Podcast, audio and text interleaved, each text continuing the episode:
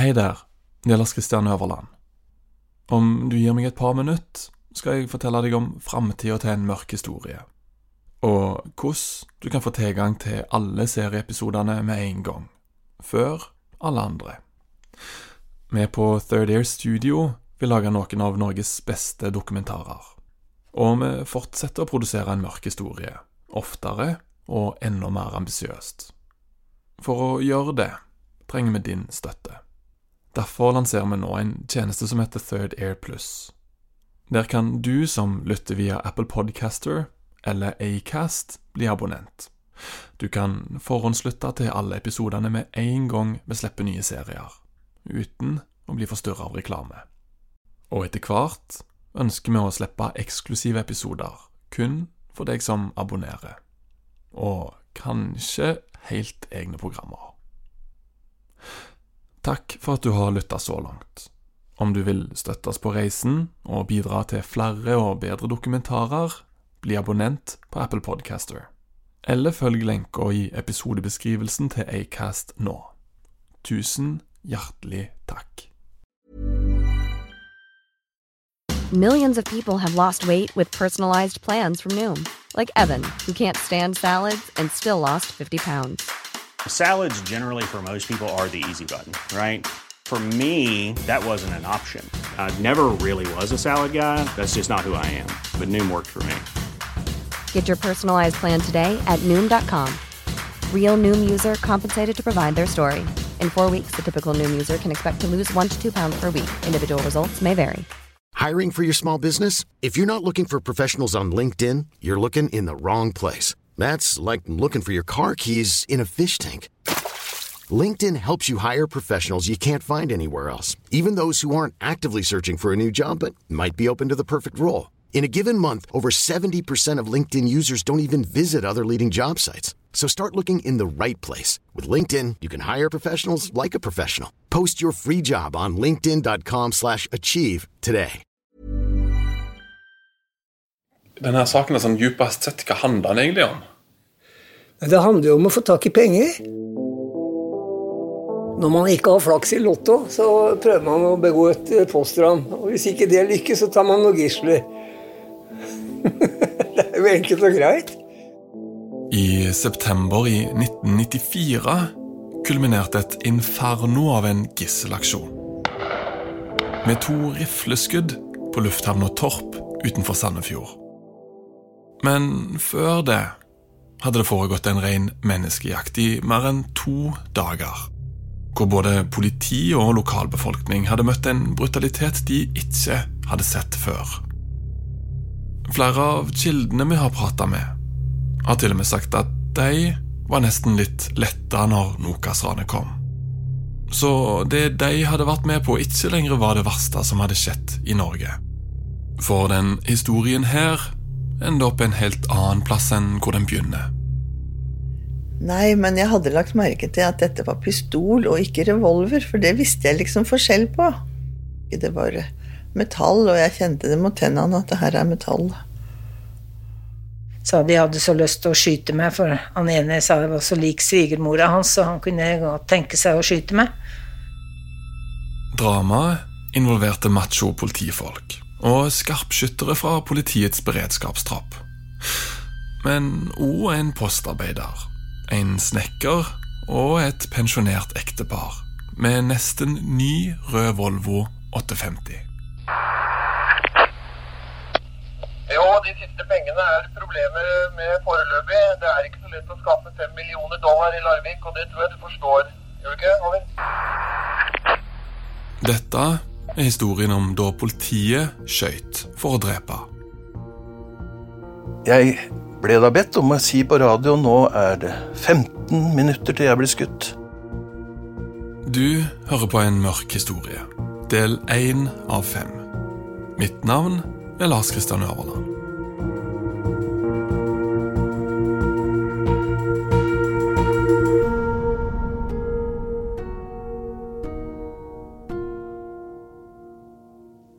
Hva heter du?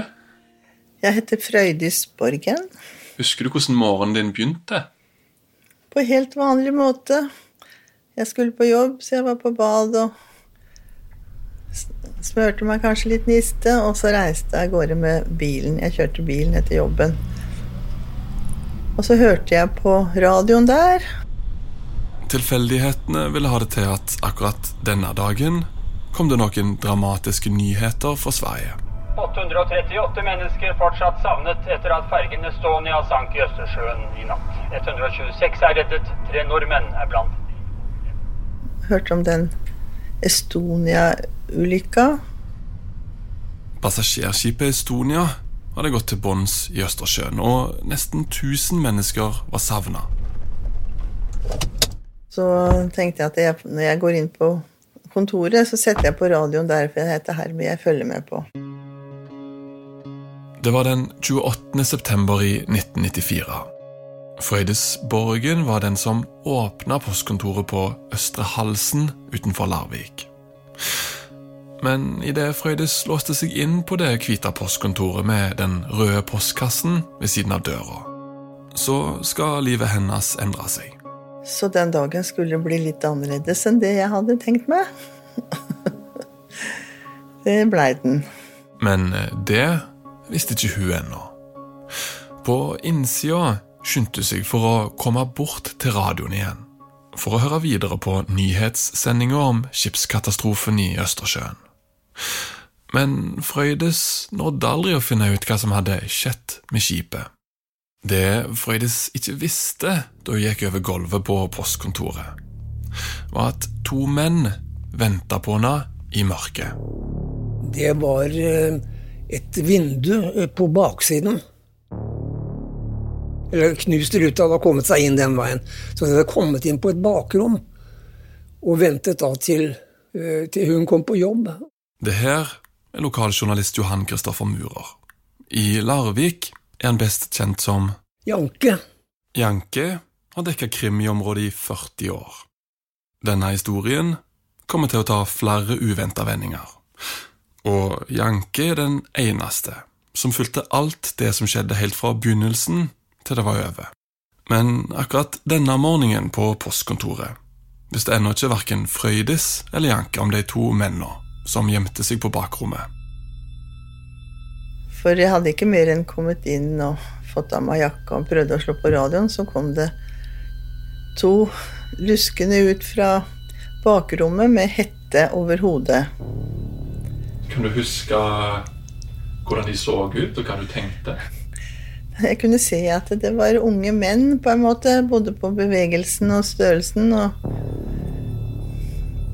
Men jeg kunne jo ikke se dem i og med at det var de hettene, da, så det var jo vanskelig.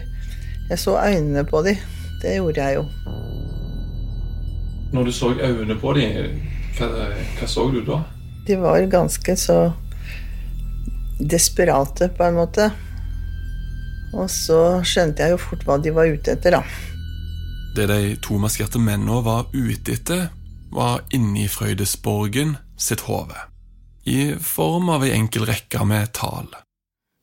Jeg måtte se å få opp safen.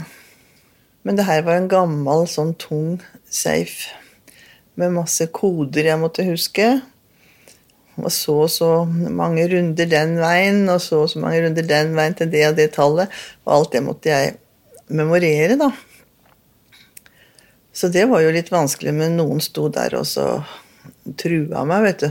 Da er det jo lett for å bli litt glemsk, kan du si. Så det gikk jo litt gærent flere ganger. Og de ble mer og mer desperate. Og han ene sto bak meg og slo meg i ryggen og, og, sier til han andre at hun bare prøver å trenere. Han andre sto ved døra og liksom holdt vakt, han da. Så sier jeg til han som sto ved døra Si til han at han må ta det med ro, for hvis ikke klarer jeg ikke å få opp den døra. Frøydis tenkte at mannen med døra som holdt vakt, virker roligere, og mer rasjonell, kanskje. Men da han vendte seg rundt og kom mot henne, fant ut at han kanskje virka roligere, men han var òg mer hensynsløs. Og så blei han litt sånn oppgitt, han så kom, men han hadde pistol som han putta i munnen min. Liksom for å true, da. Det var metall, og jeg kjente det mot tennene at det her er metall. Jeg blei jo selvfølgelig litt redd og tenkte på det at er det sånn det skal ende her i verden, liksom? Jeg trodde jo det. At det fort kunne bli sånn når de var nervøse, og det kunne jo fort gå av og liksom sånn. Så det var ikke akkurat noe morsomt, det, da. Og når han tok ut den, så sier jeg at hvis du hadde fyrt av den, så hadde du i hvert fall ikke fått noen penger, sier jeg. Jeg var litt kald akkurat der og da. Det kom etterpå. Kanskje indikerte roen hans noe annet, nemlig at han var profesjonell. For eh, den kalde metoden gav snart resultater. Men til slutt da, så klarte jeg den herre safen og fikk opp døra. Så fikk de se det var 1,5 million som lå der. Halvannen million var mye mer enn hva som normalt ble oppbevart på posthuset. Det var skattepenger som skulle utbetales den dagen. Et tips de to hettekledde mennene sannsynligvis hadde fått fra innsida av posten. Om den mistanken var sann, så kom nok ikke det tipset fra en god kollega av Frøydes. Eller postbudet, som akkurat da ankom kontoret på Østre Halsen.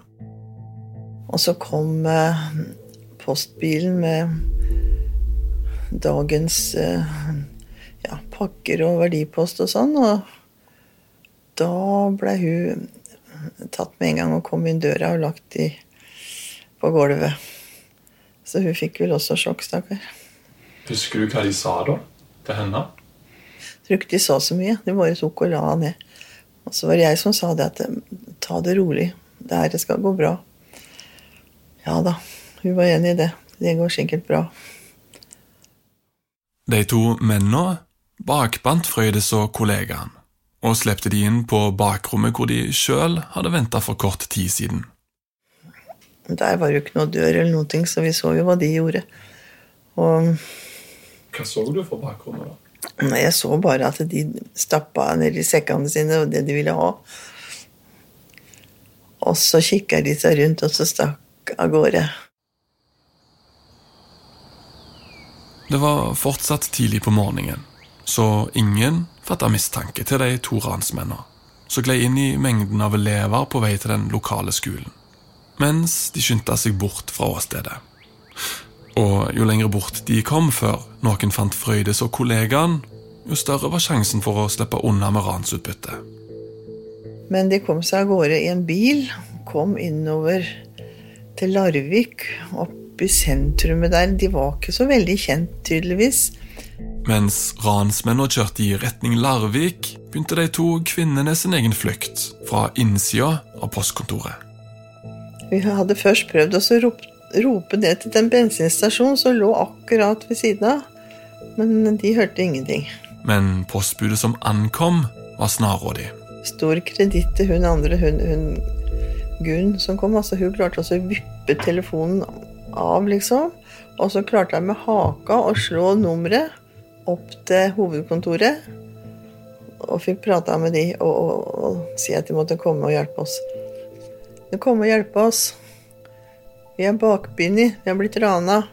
Oi, hun var rask i vendinga, vet du. Og, men hun var den som kom og, og hjalp oss.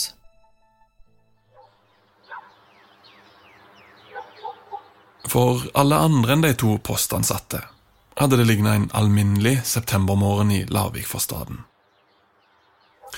Men eh, stillheten var en illusjon.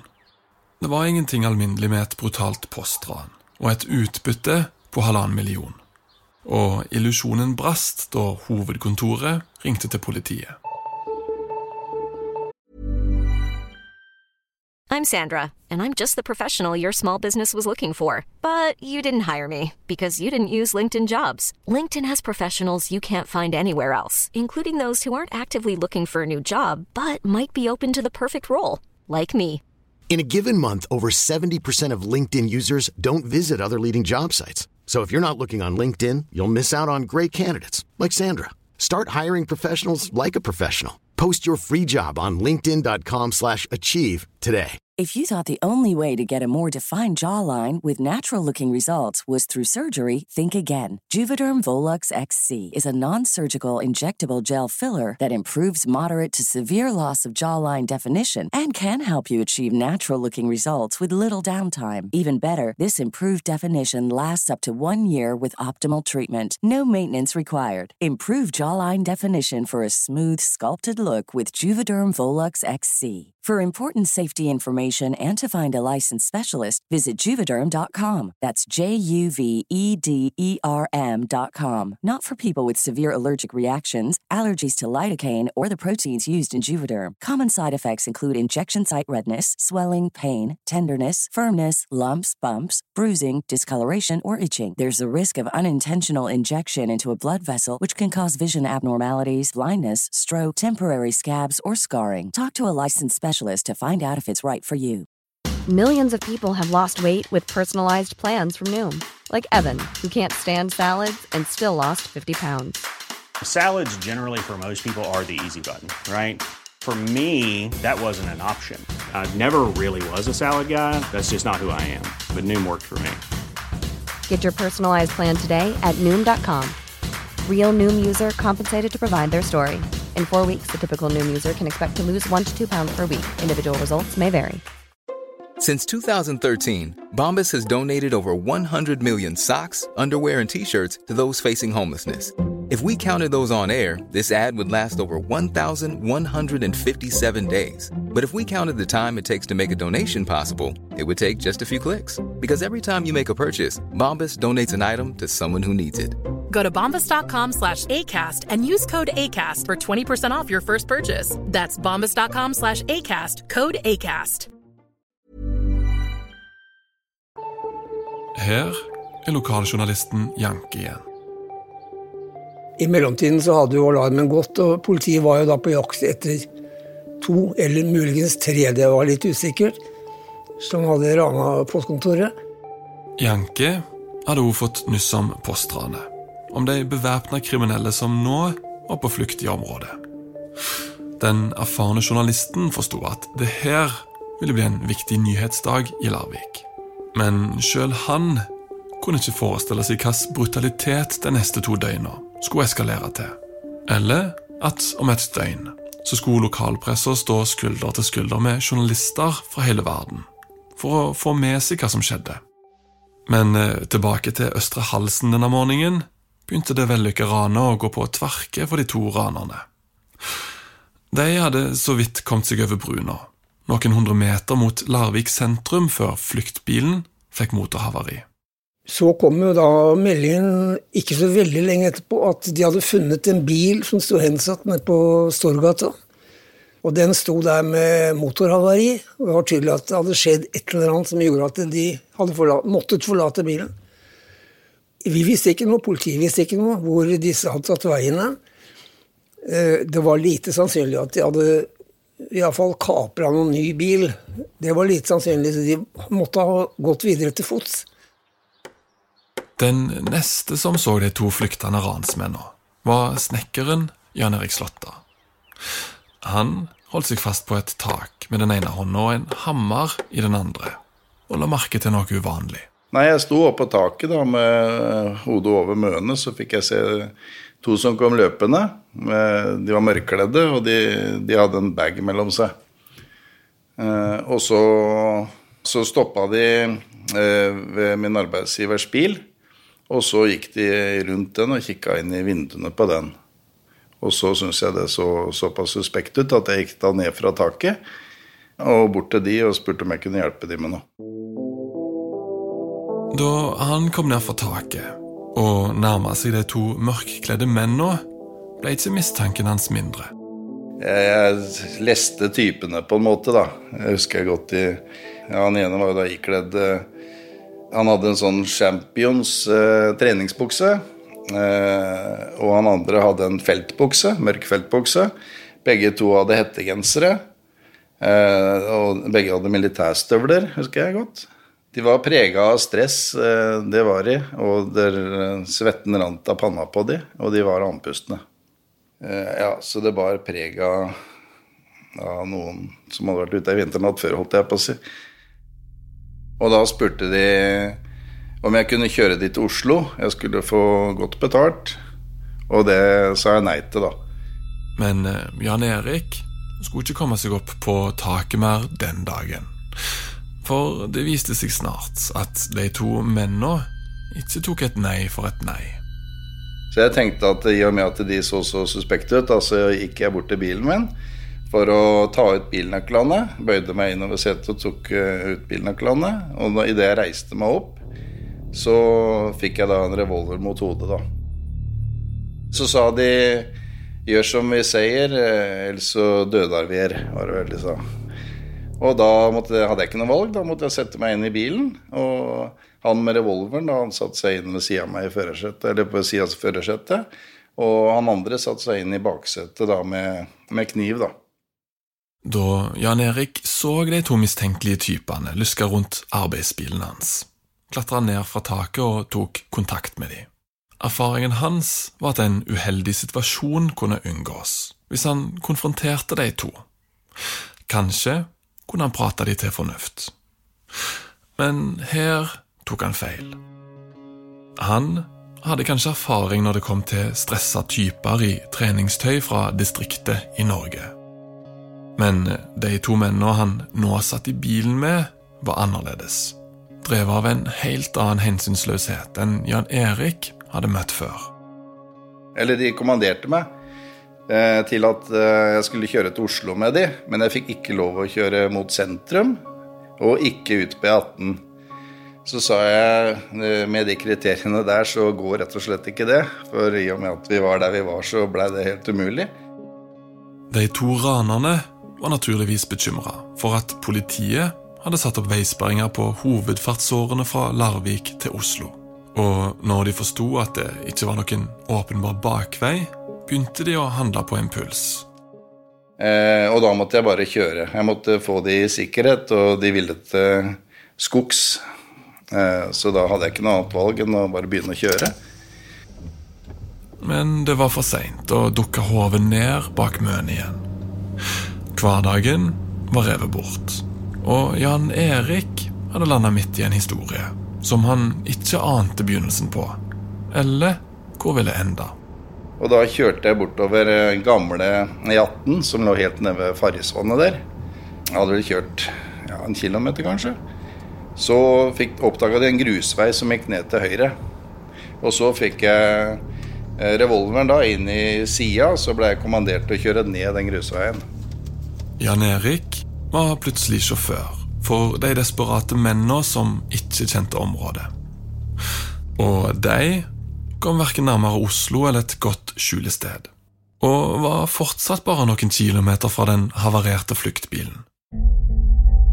Og da, Der sto det parkert en hva heter det, M6, en sånn militærbil. En grønn, stor sånn lastebil med grønn kalesje. Og da eh, spurte de om jeg kunne kjøre den, og det sa jeg nei til. Så så jeg ned på, ned på høyresida mi, da, på gulvet der, sånn, så var bagen åpen, og inni der så jeg, der så jeg det lå en masse penger. Jan Erik visste ikke hva han skulle gjøre, men han hadde følt revolvermunningen i sida. Lukta svetten til de stressa mennene, og han hadde sett bagen full med penger. Nå gjaldt å komme ut av det her med livet i behold. Og hvis han skulle det, tenkte Jan Erik, så var det beste han kunne gjøre, å vinne mennenes tillit. For det de mest av alt så ut til å mangle, var en som visste hvor de var. Og Jan Erik hadde et jaktområde like i nærheten, lengre oppe ved Faresvannet i Larvik. Jeg på en måte la fram for de at vi kunne kjøre opp til Skautet der, at jeg visste om et trygt sted for de. Så snakka de sånn serber-kroatisk seg imellom. De, de, var jo, de snakka gebrokkent eh, østblokk-svensk, de her. her. Og da fikk jeg et ja på det til slutt, da. Og da kjørte vi bortover på de tre kilometerne cirka, som det var på E18. Og de spurte meg da om jeg kunne sette på radioen, eh, og om jeg hørte noe om et ran. Og da, da skjønte jeg hva de hadde gjort for noe, hvert fall, eller hvor de pengene da kom ifra. da. Jan Erik hadde lova de to mennene å kjøre dem til en sikker plass. Hvor de kunne skjule seg for politiet. Han ville ta dem til enden av en lang grusvei inn i skogen. Og nå hadde han seks kilometer på seg til å vinne tilliten til de to. De skulle overbevises om at han var til å stole på. At han ikke kom til å sladre til politiet. Litt på deres side, på en måte. Så fortalte jeg dem at jeg hadde to døtre. Jeg hadde Julia, da, som var syv måneder, og jeg hadde Kristina, som var fem år. da. Og de fortalte meg at de hadde utført et eh, postran, blant annet. da. Og da, da spurte jeg om, kunne, om han kunne legge bort revolveren, og så ikke sitte og sikte på meg noe mer. Og det gjorde han. Vi prata litt. Jeg, jeg, vant på en måte tillit hos de, og de følte seg trygge.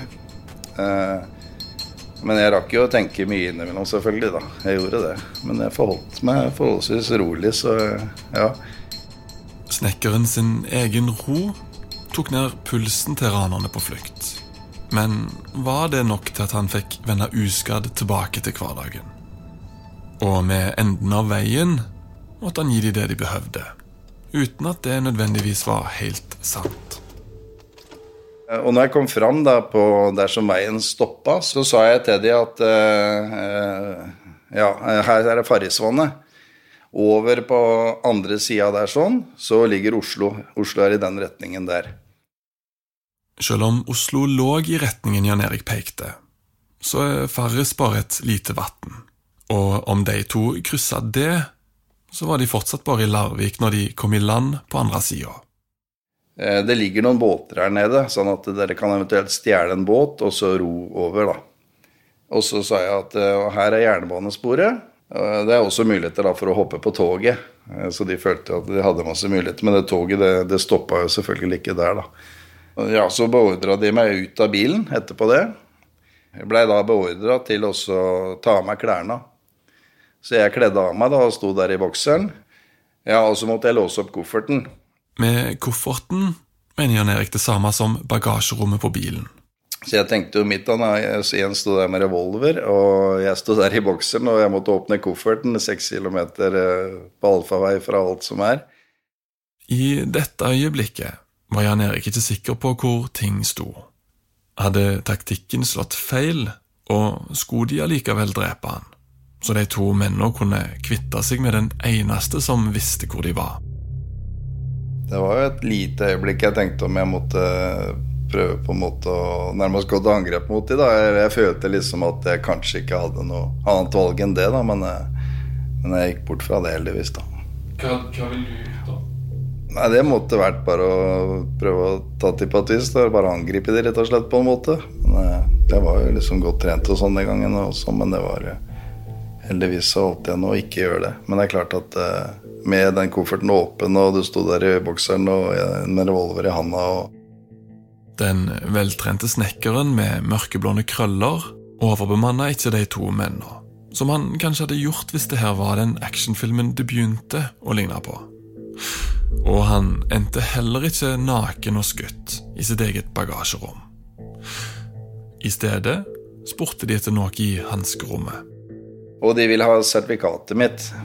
Så da måtte jeg, jeg gå eh, inn i bilen min, da, i hanskerommet, og så hente sertifikatet mitt. Og, og ID til, til han ene der, da.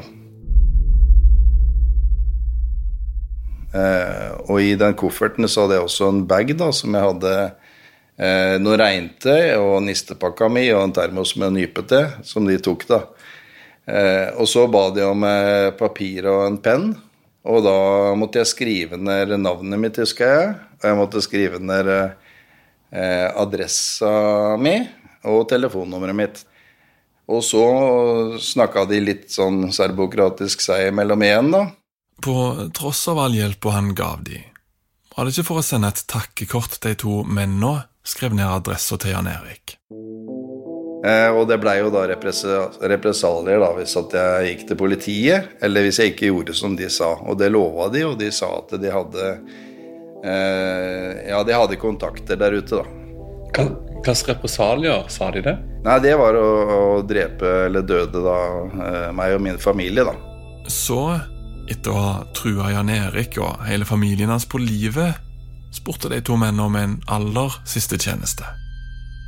Etter det med represalier og alt det der, etter de truslene der, så spurte de meg om at jeg, jeg kunne hente de der etter mørkets frembrudd. Og det, ja, det Intuitivt så blei det så naivt at det sa jeg nei til. Dere kan ikke stole så mye på meg. Og da, det aksepterte de, da.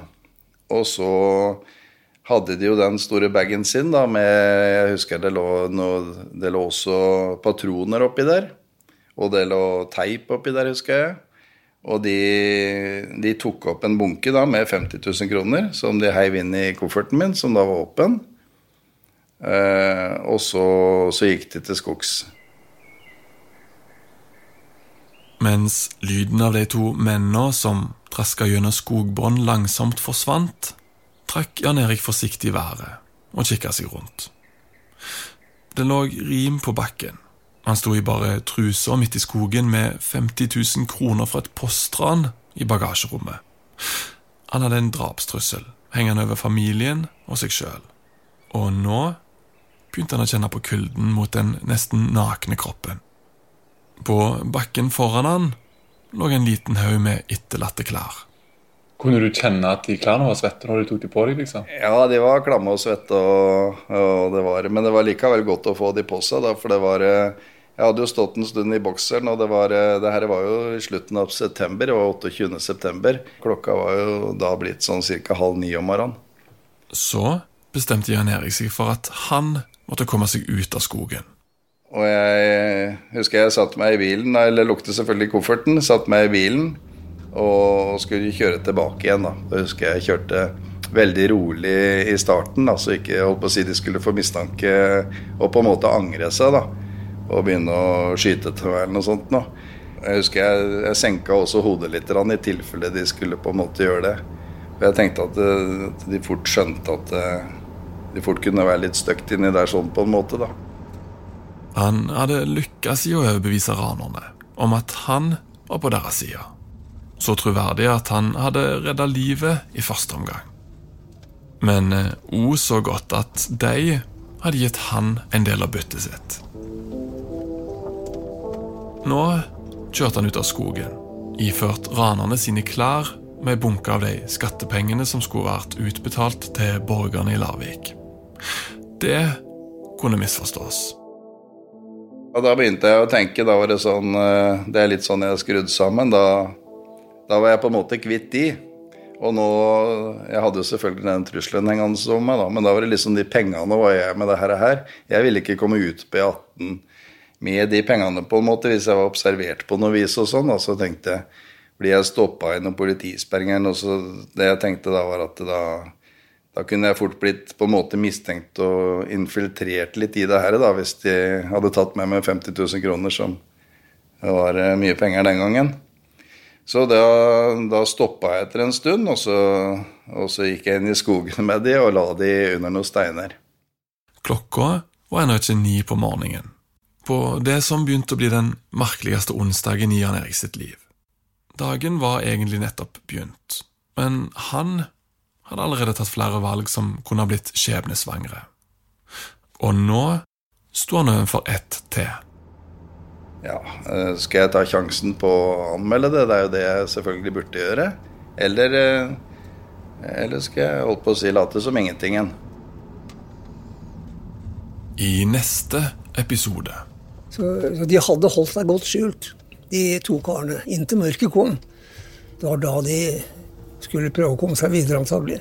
Politihelikopteret, de hadde iakttatt og hadde sett uh, mest sannsynlig to stykker som hadde springet over grusveien. Uh, så gikk jeg en liten tur. Vi gikk litt alene og litt som vi helst ikke skal gjøre. Vi skal, skulle jo gå to og to. Og vi forsto ut fra deres historikk dette var eh, kriminelle mennesker som vi måtte ta på alvor. Jeg eh, spurte hva det var, og da så sa jeg du må ikke gjøre, ikke gjøre noe motstand, du må, for de har, de har våpen. Hva tenkte du da når du ble bedt om å dra om og forhandle i en gisselsituasjon? Det her var noe spennende som, eh, som jeg gjerne ville være med på.